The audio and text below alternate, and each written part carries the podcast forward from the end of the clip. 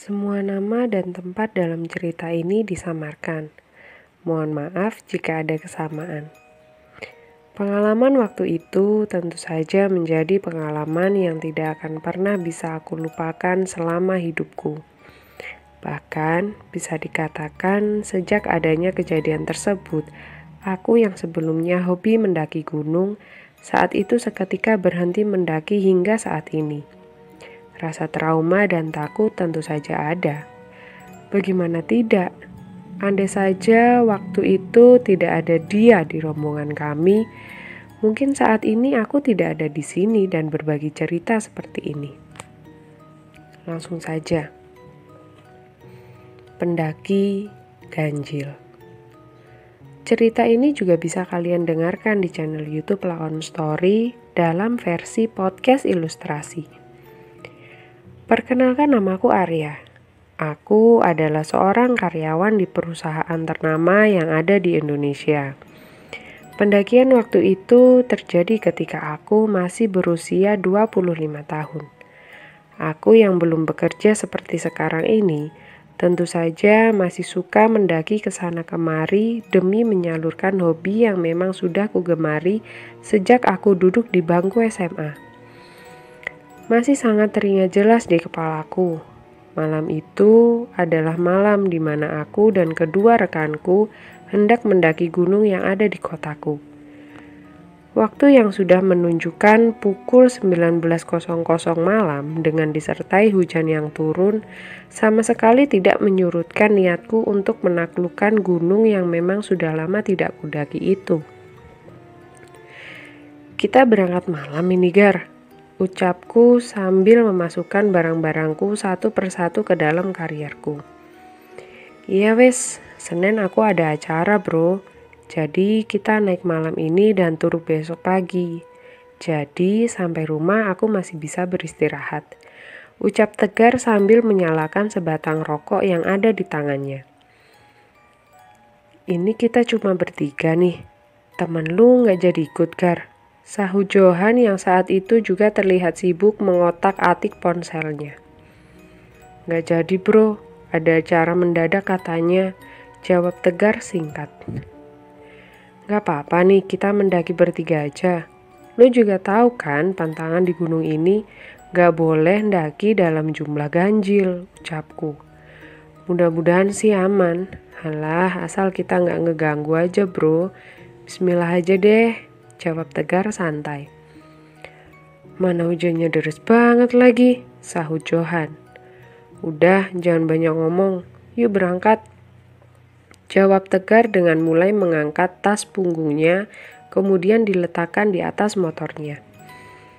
Dan benar, Sabtu malam itu, kami bertiga benar-benar berangkat menuju pos pendaftaran untuk mendaki gunung yang memang terletak tidak jauh dari tempat tinggalku saat itu. Selama perjalanan, tentu saja aku dan rekan-rekanku sudah ditemani guyuran hujan yang saat itu turun dengan sangat lebat. Bahkan, jas hujan yang kupakai pun seolah tidak berguna sama sekali, mengingat semua pakaian yang kukenakan tetap saja dalam keadaan basah. Dan seiring berjalannya waktu, akhirnya aku pun sampai di pos perizinan yang ada di kaki gunung ini. Namun sayangnya, saat itu kondisi pos sangatlah sepi. Hanya ada satu buku tamu yang tergeletak di meja depan pintu dengan satu penjaga yang terlihat tidur pulas di atas kursi panjang yang ada di dalam pos waktu itu. Kok sepi ya, Gar? Terus gimana ini? Ucap Johan. Ya iyalah sepi, orang hujannya lebat kayak gini, sahutku. Hus, diem. Kita isi aja nama kita bertiga di buku tamu itu diem-diem. Terus kita naik deh, hehehe. Biar nggak bayar, mumpung penjaganya lagi tidur, ucap Tegar. Dan akhirnya setelah Tegar selesai mengisi nama kita bertiga, aku pun malam itu memulai pendakianku. Di awal pendakian, semuanya nampak biasa-biasa saja. Trek yang licin dengan hujan yang tidak berhenti turun tentu saja membuatku sangat berhati-hati dalam melangkahkan kaki. Terlebih lagi, pandanganku malam itu juga mulai terbatas ditambah sorot lampu senter yang memang menyala dengan sangat kurang terang. Hingga akhirnya, sekitar pukul 21.45 malam, aku dan rombonganku pun sampai di sebuah tempat peristirahatan yang biasa kami sebut dengan sebutan pos 1. Malam itu, di pos tersebut, aku sama sekali tidak melihat satupun pendaki lain selain rombonganku. Semuanya nampak sepi, seolah-olah hanya aku dan rombonganku yang saat itu mendaki gunung itu. Kita diriin tenda di sini dulu yuk. Kita makan malam sambil istirahat. Badanku gemeter kedinginan nih, ucap Johan. Setelah mendengar keluhan Johan, akhirnya aku pun setuju untuk mendirikan tenda sementara agar aku dan rekan-rekanku bisa sedikit beristirahat. Dan di sinilah semua cerita ini dimulai. Ketika tenda sudah berdiri dan aku sedang asyik menikmati mie instan, Tiba-tiba aku dan rekan-rekanku dihampiri oleh seorang pemuda yang terlihat dalam keadaan basah kuyup. Baju abu-abu dengan ikat yang ada di kepalanya masih kuingat dengan jelas jika waktu itu dia memang datang menghampiri tendaku. Mas, permisi, boleh gabung? Saya nggak bawa jas hujan. Ucap laki-laki tersebut dengan keadaan yang terlihat sangat kedinginan. Oh, iya mas silahkan. Sini langsung masuk ke dalam saja mas, ucapku.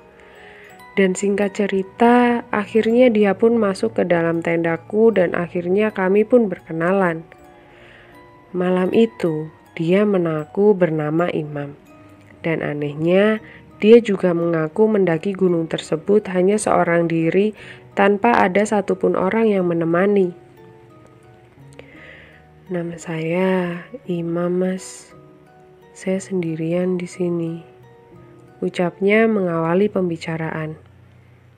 Naik sendirian malam-malam, sahut tegar.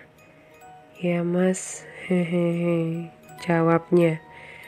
Ya udah, kita gabung aja mas, biar rame, usul Johan.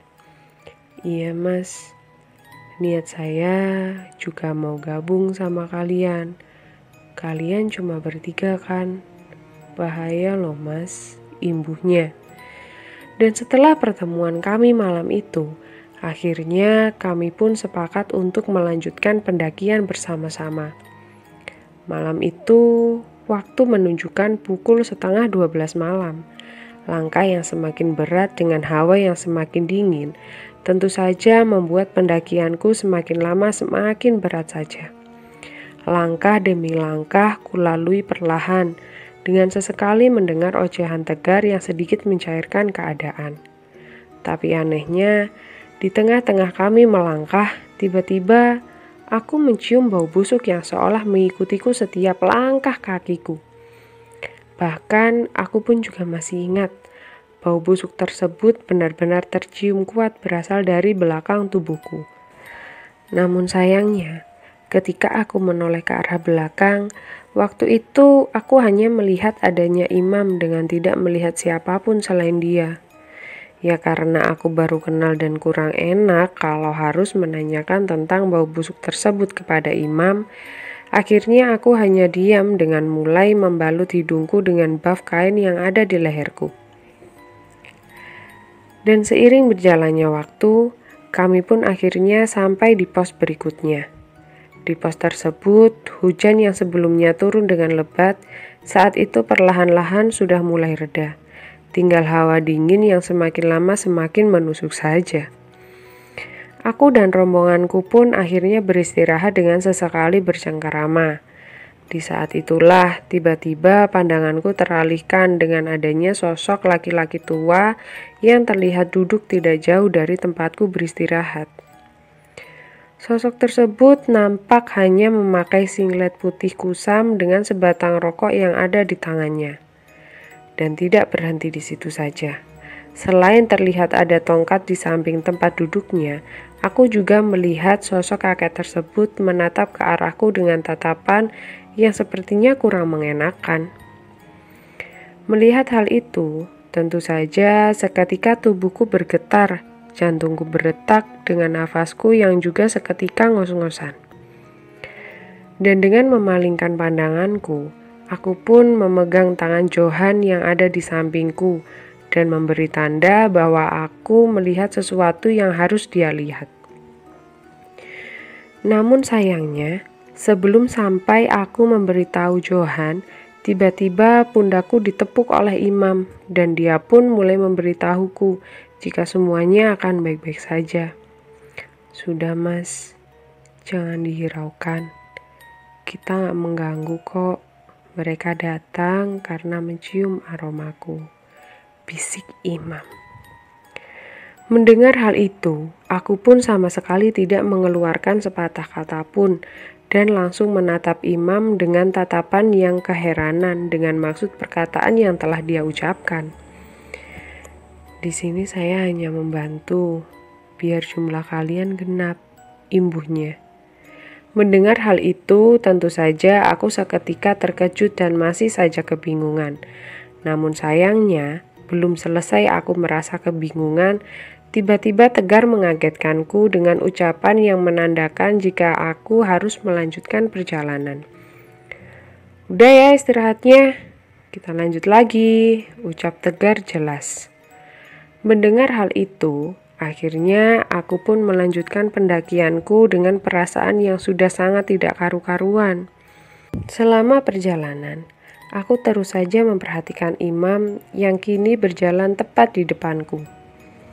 Tulisan-tulisan di bajunya, di tasnya, dan saat itu ku baca satu persatu, bahkan mulai ujung kaki sampai ujung kepala.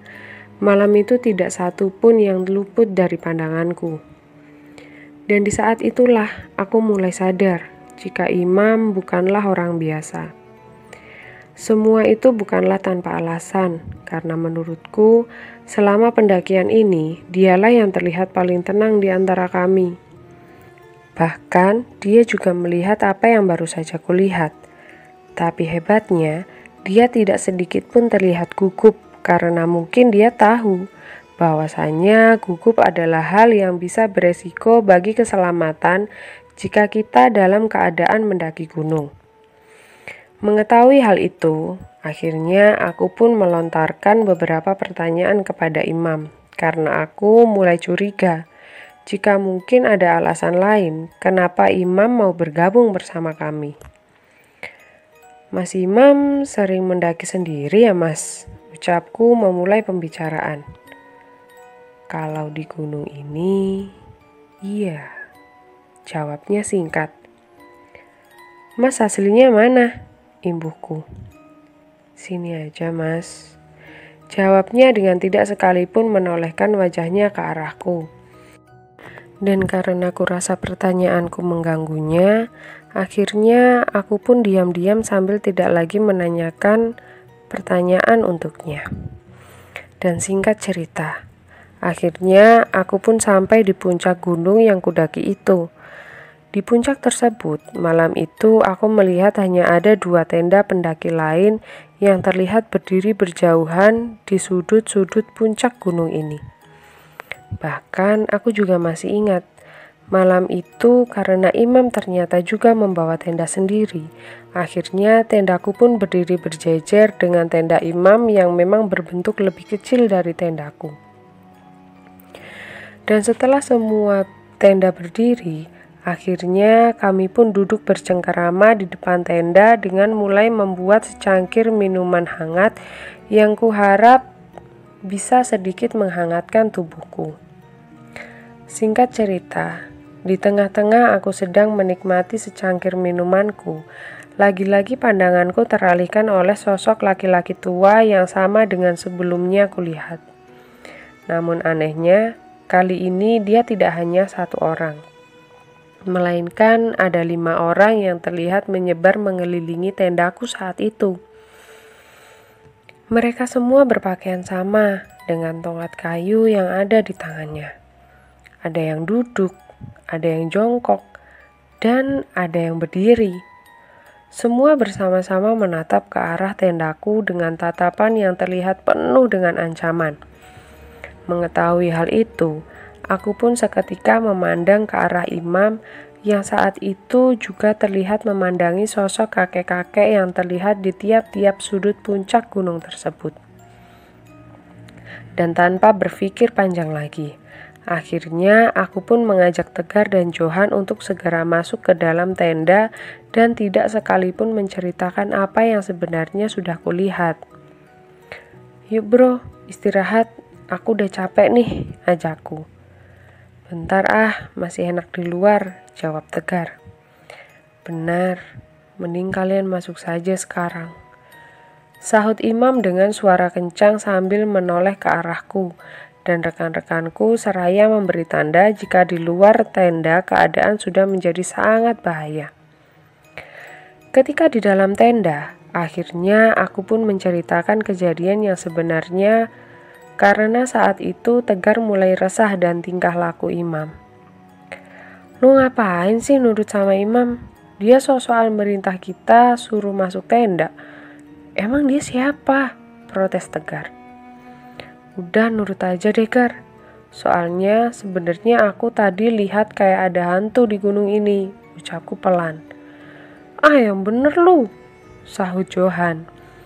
Iya, Jo, Nah, tapi si imam ini kayaknya sudah sering ke sini, jadi udah terbiasa dengan gituan.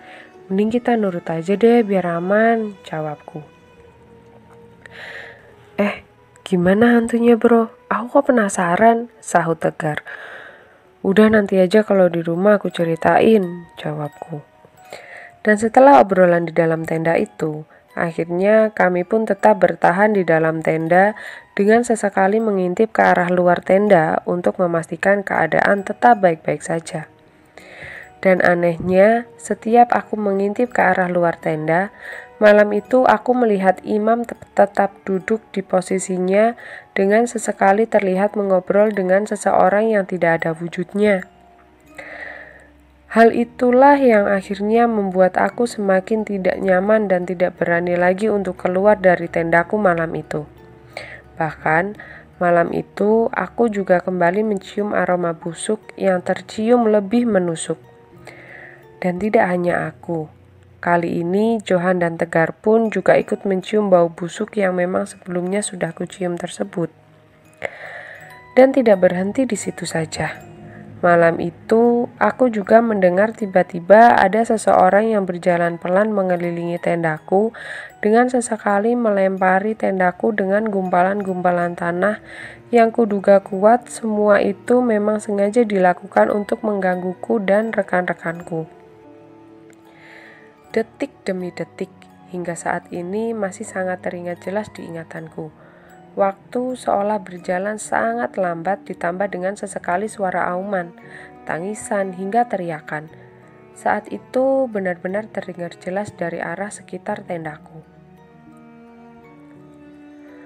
Aku dan kedua rekanku malam itu benar-benar sangat ketakutan dengan tubuh yang tidak bisa lagi berhenti gemetar tidak karuan. Botol air mineral yang sudah penuh dengan air kencingku ditambah dengan makanan yang tetap utuh di dalam tenda ini, benar-benar menandakan jika malam itu kami sama sekali tidak berani keluar dari tenda dan hanya bertahan di dalam tenda meskipun apa pun yang terjadi. Bahkan kami juga sempat bergiliran mengintip ke arah luar untuk melihat apa yang sebenarnya terjadi. Dan kali ini bukan hanya aku, akhirnya semua pun melihat apa yang sebenarnya sudah kulihat. Sosok kakek-kakek tua dengan tongkatnya malam itu ternyata sudah terlihat duduk tidak jauh di depan tenda kami.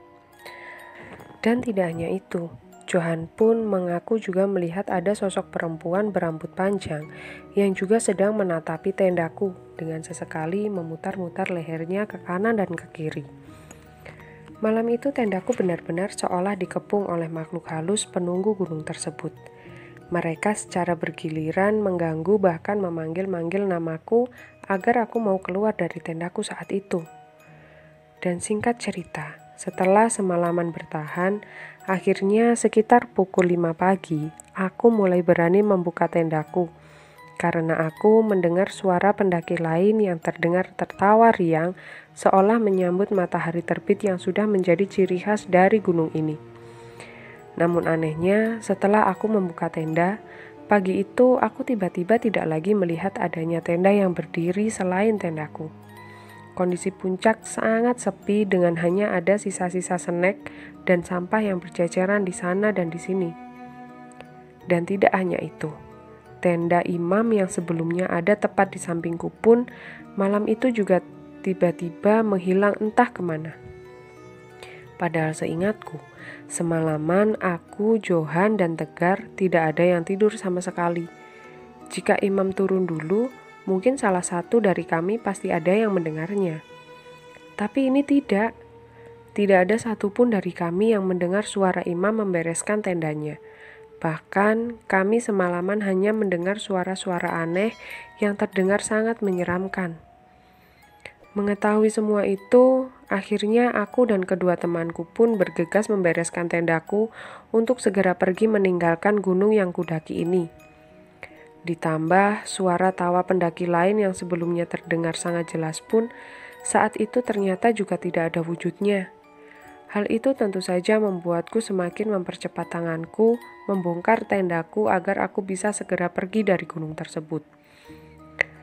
Dan setelah semuanya selesai, Akhirnya kami bertiga pun berjalan turun dengan langkah yang lebih cepat dari biasanya. Tidak ada lagi candaan dari Tegar maupun ucapan dari Johan. Kami bertiga hanya diam dengan terus menatap ke depan dengan perasaan yang sudah sangat ketakutan. Dan anehnya, setelah beberapa lama aku berjalan, tiba-tiba aku mendengar suara teriakan kencang dari arah belakang yang setelah kutoleh Ternyata sumber suara tersebut adalah imam yang berteriak dengan melambai-lambaikan tangannya dari kejauhan, seraya mengucapkan selamat tinggal. Woi, hati-hati ya! Teriak imam dengan terus melambai-lambaikan tangannya. Mengetahui hal itu, tentu saja aku pun seketika berlari kencang dengan diikuti Johan dan Tegar yang juga ikut berlari karena ketakutan. Ya Allah, tolong! Teriakku dengan terus berlari tidak berhenti. Dan akhirnya, setelah beberapa jam lamanya, aku pun sampai di pos pendaftaran yang selanjutnya kami pun menceritakan apa yang sudah terjadi kepada kami. Di sini memang pamali mas kalau naik dengan jumlah ganjil. Kalau maksa naik, akhirnya ya gitu. Kalau nggak diganggu, ya pasti ada yang ikut gabung.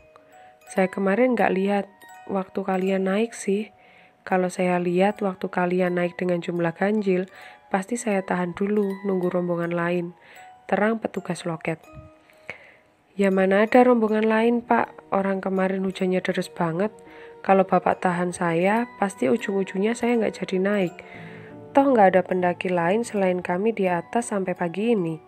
Saya turun tadi juga nggak ketemu pendaki yang lain naik kok pak sahut tegar Lukas. Loh, kata siapa sepi mas? Ini kan hari Minggu, gak mungkin lah gunung ini sepi. Ini lo lihat, hari ini ada 48 pendaki yang naik termasuk kalian.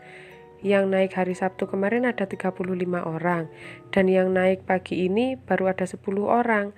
Lah itu lihat, semua kendaraannya juga diparkir di sebelah pos ini. Jawab petugas pos pendaftaran dengan menunjukkan buku registrasi pendaftaran para pendaki kepada kami. Mendengar hal itu, tubuhku seketika lemas dengan tidak lagi mengerti dengan apa yang sudah terjadi. Semuanya nampak sepi di mata kami, namun sebenarnya banyak pendaki lain yang sedang mendaki gunung ini. Dan setelah semua kebingungan kami belum kami fahami, akhirnya aku pun mengajak semua rekanku untuk segera pergi meninggalkan gunung ini. Sesampainya di rumah, aku pun masih dipenuhi rasa trauma, kebingungan, dan ketakutan setelah kejadian yang telah kualami. Bahkan, Johan pun juga kudengar dibawa pergi oleh keluarganya ke tempat salah satu tokoh agama yang ada di kotanya. Karena menurut keluarganya, setelah turun dari gunung tersebut, setiap malam orang tua Johan sering mendengar Johan berteriak-teriak sendiri, seolah sedang melihat sesuatu yang sangat menakutkan. Dan akhir cerita, setelah semuanya selesai, kini aku sudah jarang lagi pergi mendaki gunung. Ya, karena selain sibuk dengan semua pekerjaanku, pengalaman itu tentu saja memberikan pelajaran tersendiri bagiku. Namun, terlepas dari itu semua, aku tetap bersyukur karena aku bisa turun dengan keadaan yang baik-baik saja. Semoga dengan adanya pengalaman sepilu itu bisa membuat kita lebih berhati-hati lagi dalam mendaki gunung-gunung yang ada di negeri ini. Dilarang keras kopas, storytelling, reupload, semua cerita lakon story di YouTube, website, blog, aplikasi podcast, atau di mana pun tanpa izin dari lakon story. Semua peraturan tentang reupload sudah tersedia di fanpage lakon story Silakan dibaca terlebih dahulu jika ingin reupload. Jika kami menemukan cerita lakon story di reupload tanpa izin, kami akan langsung menindak dengan sangat tegas. Terima kasih teman-teman, semoga cerita ini menemani hari-hari kalian.